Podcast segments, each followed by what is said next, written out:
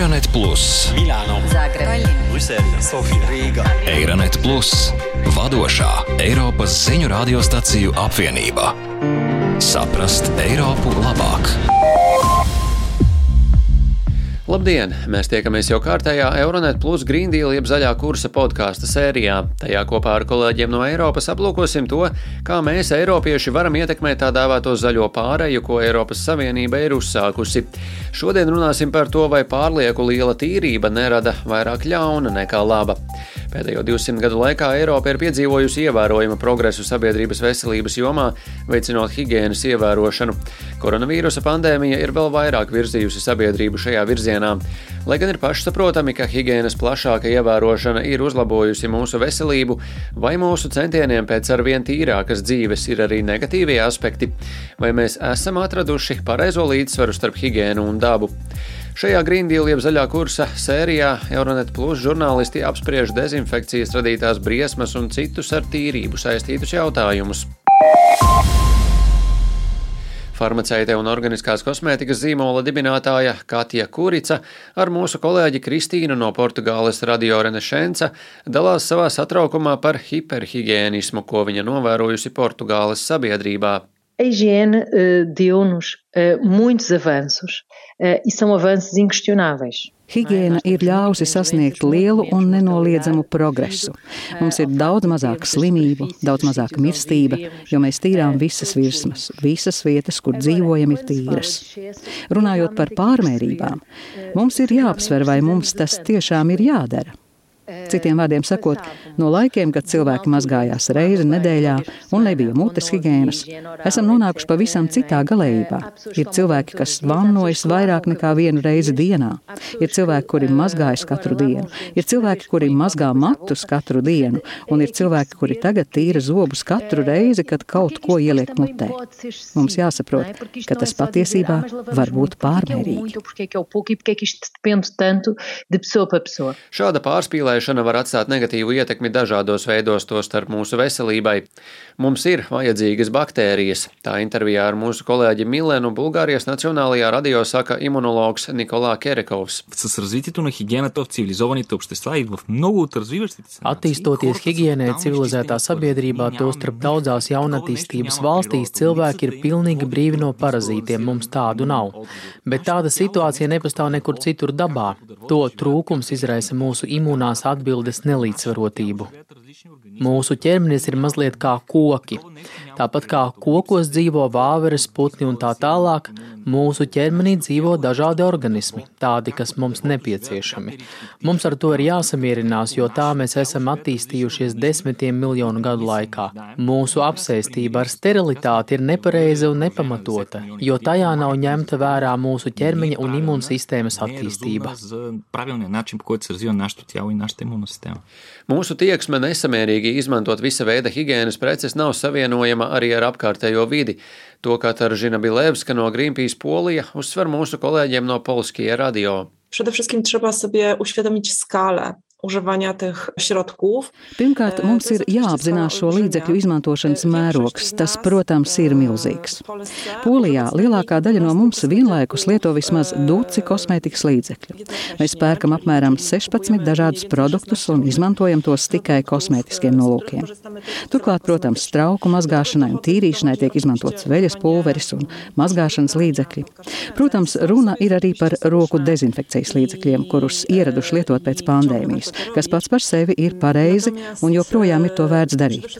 Tomēr tas, cik lielā mērā mēs izmantojam šos produktus un ar to saistītā patērētāju uzvedība, var radīt un rada milzīgu spiedienu uz vidi.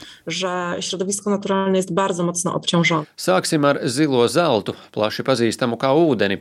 Kamēr mūsu senči kādreiz izvairījās no mazgāšanās ar ūdeni, slaukoties un tā vietā izmantojot smaržas, mēs tagad paļaujamies uz ūdeni mūsu personīgajā un sadzīves higiēnā.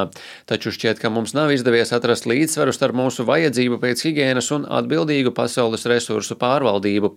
Saskaņā ar aprīļa beigās publicēto ziņojumu cilvēka radītais spiediens ir izraisījis liela mēroga traucējumus sauszemes nokrišņu, iztvēkošanas un augsnes mitruma sistēmā, kas ir būtiska mūsu planētas dinamikai. Eksperti aicina noteikt ierobežojumus tam, kā mēs izmantojam ūdeni. Eiropas Savienībā mēs svaigu dzeramo ūdeni nolaižam toaletēs un tīrām ar to mājas, tomēr saskaņā ar Pasaules meteoroloģijas organizācijas datiem katru gadu uz planētas ir par centimetru mazāk svaiga ūdens. Tas ir vēl pārsteidzošāk, ja ņemam ņemam vērā faktu, ka vairāk nekā pusē pasaules iedzīvotāju nav pieejami droši sanitāri apstākļi.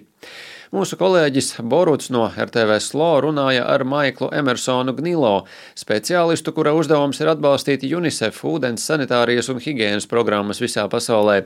Viņš skaidro, ka, lai gan ir jāveicina sanitārija, noteikti nedrīkst aizmirst ūdens vērtību.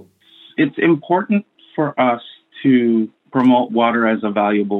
Mums ir svarīgi popularizēt ūdeni kā vērtīgu resursu pat valstīs, kur ūdens netrūkst. Ir svarīgi, lai ik viens iemācītos šo uzvedību, jo tas ietekmē citas lietas, piemēram, ūdens piegādes izmaksas.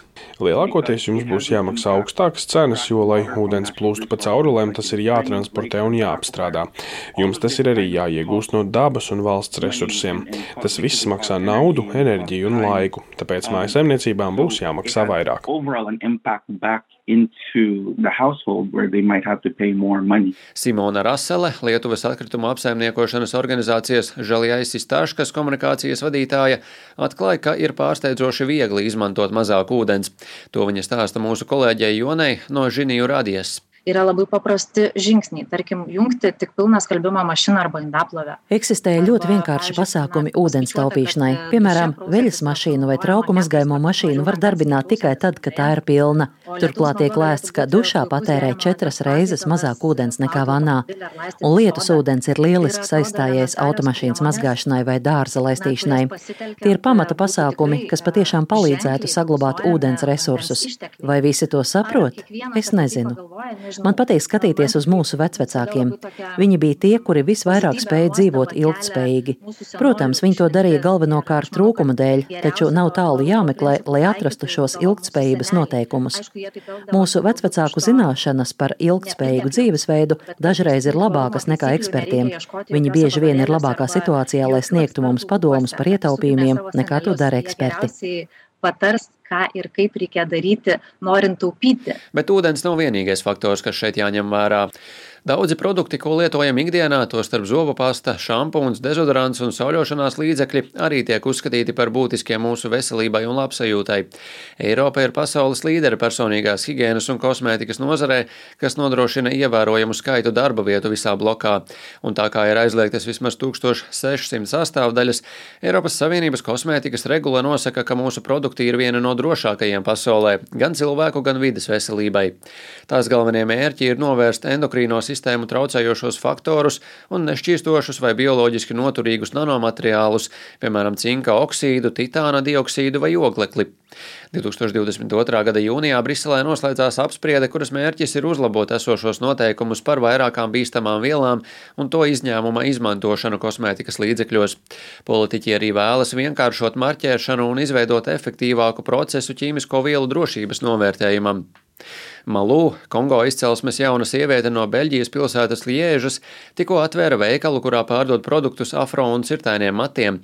Viņa vēlējās izvairīties no produktu ķīmiskajām sastāvdaļām, ko parasti izmanto, lai iztaisnotu sprogainus matus vai labotu matus, kas bojāti iztaisnošanas rezultātā. Taču viņa nespēja atrast nevienu dabisku produktu, kas Beļģijā patiešām iedarbotos.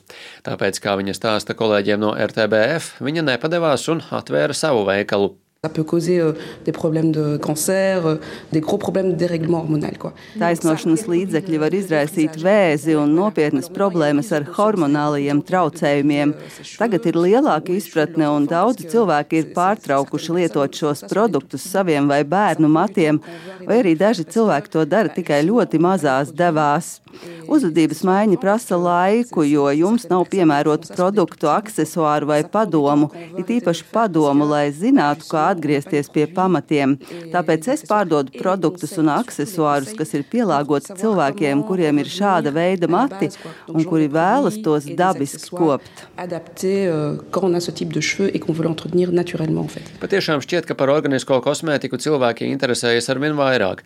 Kā Portugāles kolēģim no Radio Renešenca pastāstīja Jūnisa Maija, divu bioloģisko veikalu īpašniece Portugālē. Na parte dos, dos acessórios, a parte da cosmética tem muita força. Kosmētikas nodaļa ir ļoti spēcīga. Dezodoranti, cietie šampūni. Mēs arī pārdodam vairumā šķidros šampūnus no zīmola, kas ir biodinamiski audzēts, un tas arī ir ļoti populārs. Tāpēc es teiktu, ka kosmētika noteikti ir pieprasītākie produkti ārpus pārtikas nozares.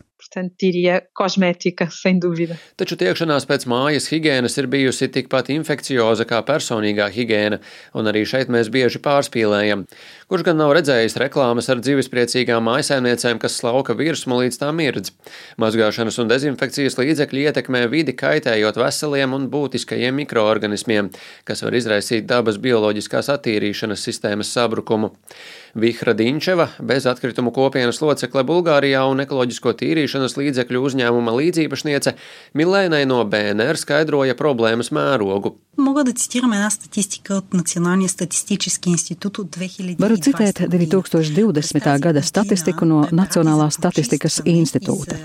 Tajā gadā Bulgārijā tika pārdoti 100 miljoni kilogramu tīrīšanas un veļas mazgāšanas līdzekļu. Iedomājieties, 100 kilogramus un reiziniet to ar 1 miljonu. Tas nozīmē, ka mūsu mājās ienāk milzīgs daudzums sastāvdaļu un tālāk nonāk gruntsūdeņos. Kolēģis Mārts no Kuku radio sarunājās ar vidas blogeri Katarinu Papu. Viņa uzstāja, ka dabīgie produkti piedāvā reālu alternatīvu. ma ütleks küll, et vähem on rohkem, et et noh, kui me räägime nüüd just nendest samadest Es teiktu, ka kosmētikas vai sadzīves ķīmijas jomā mazāk ir vairāk. Vienā brīdī sāku veikalos vai mājās lasīt, kas ir pudelēs iekšā, un tas man lika galvai uzsprāgt. Es teiktu, ka ja jūs nevarat izrunāt sastāvdaļu, jums to nevajadzētu lietot. Pat produktos, kas ir paredzēti zīdaiņiem vai cilvēkiem ar alerģijām, joprojām ir sastāvdaļas, kuras nav ieteicamas. Un beigās es sapratu, ka man tie produkti nav vajadzīgi. Es varu lietot kokosriekstu eļļu un likt uz ādas tikai tādas lietas, kuras liktu mutē. Man nav vajadzīgs asaras neradošs šampūns saviem bērniem, kad pietiek ar ūdeni. Pandēmija, saprotams, palielināja mūsu vēlmi pēc higiēnas. Piemēram, bailes mūs mudināja izmantot pārmērīgu daudzumu roku dezinfekcijas līdzekļa. Un tas, saka Mateo Gidoti, Milānas Nacionālās pētniecības padomes ķīmiķis, ir būtiski ietekmējis vidi. Viņš stāsta kolēģei Džūlijai no Radio 24, ka mūsu bažas par veselību iespējams ir veicinājušas bažas par vidi. Certamente, soprattutto nella fase iniziale, nella primavera ed estate 2020. Daudzas pašvaldības un publiskas personas, īpaši pandēmijas pirmajā fāzē, 2020. gada pavasarī un vasarā, iedzīvotāju spiedienu ietekmē pārspīlēja dezinfekcijas līdzekļu lietošanu pat brīvā dabā. Dezinfekcijas līdzekļu lietošana var izraisīt savienojumu veidošanos, īpaši organisko chloru savienojumu, kas ir ļoti toksiski cilvēkiem un videi pat ilgtermiņā. Un tagad, 2021. un 2022. gadā, mēs uzraugām, cik daudz no šiem kaitīgajiem savienojumiem joprojām atrodas vidē un pilsētu teritorijās. Tas jo īpaši attiecas uz Ķīnas pilsētām, kur pandēmijas pirmajā fāzē mēs novērojām milzīgu daudzumu šķidrā dezinfekcijas līdzekļa, kas plaši izplatījās visā pilsētas teritorijā senza alcun tipo di parsimonia sul, su tutto il territorio urbano. Gidoti turpina skaidrot, ka Nacionālās pētniecības padomes veiktie pētījumi atklāja, ka ātrās palīdzības automašīnu koka, plasmasas un metāla daļas bija sarūsējušas jau pēc dažiem pandēmijas mēnešiem. Līdz ar to rodas jautājums, vai šiem dezinfekcijas līdzekļiem ir mazāk kaitīgas, bet tikpat efektīvas alternatīvas. Mēs esam daudz runājuši par vielām, kuru pamatā ir aktīvs skābeklis, nevis aktīvs chlorīds, bet skābeklis, piemēram, ūdeņraža peroksīds. Šī noteikti ir viena no interesantākajām pieejām, jo ūdeņraža peroksīds, pat ja to lieto pārmērīgā daudzumā, sadalās normālā ūdenī un skābeklī, un tāpēc tam ir mazāka ietekme nekā chloru saturošiem dezinfekcijas līdzekļiem. Taču mums joprojām jābūt uzmanīgiem, jo ozons bieži ir šo vielu īpašība, un lai gan ozons ir skābekļa brālēns un ir atrodams atmosfērā, tas ir ārkārtīgi reaktīvs un var ietekmēt cilvēku elpceļu dvēseļus tādā pašā veidā, kā tas ietekmē cilvēku patogēnu. Tas ietekmē gan organiskās, gan neorganiskās vielas. Un visbeidzot, nav maz svarīgs jautājums par to, kā visi šie tīrīšanas un personīgās higiēnas līdzekļi tiek iepakoti un kas notiek ar šo iepakojumu. Tā kā Eiropa joprojām saražo vairāk nekā tai vajadzētu, mums patiešām jāpieliek pūles. Lietuvas kolēģiem stāsta Lietuvas atkrituma apsaimniekošanas organizācijas pārstāve Simona Rasale. Tai galbūt kartais visai nebūtina eiti į visiškus kraštutinumus. Kas attiecas uz iepakojumu, mēs nevaram no tā pilnībā izvairīties. Tas attiecas uz visām nozerēm, ne tikai uz higiēnu. Mūsu kā patērētāja galvenais pienākums ir nodrošināt, lai iepakojums nonāk tur, kur tas ir jānodod pārstrādē. Nukeliautų ten, kur jos turi nukeliauti, tam, kad jos galėtų būti perdirbtos. Tātad, vai var būt tīra māja, tīrs ķermenis un tīra sirdsapziņa? Iespējams, bet tikai līdz noteiktam brīdim. Šķiet, ka vēstījums ir tāds, ka, ja mēs vēlamies sakopt savu vidi, mums iespējams būs jāpārtrauc ar tik milzīgu deksmi kopt visu pārējo. Tiekamies jau nākamajā Euronet Plus Green Deal jeb zaļā kursa epizodē. Eironet Plus, Milāno, Zagreba, Brisele, Sofija, Rīga. Eironet Plus, vadošā Eiropas ziņu radiostaciju apvienība. Saprast Eiropu labāk!